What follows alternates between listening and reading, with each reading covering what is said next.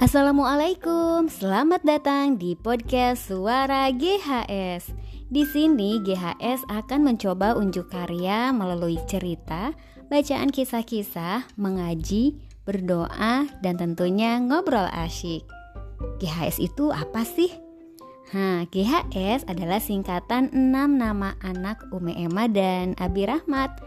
Ada G, GHS, Gaida dan Gazan, H. Hakim dan Husna, S. Shiva dan Sofia. Selamat mendengarkan.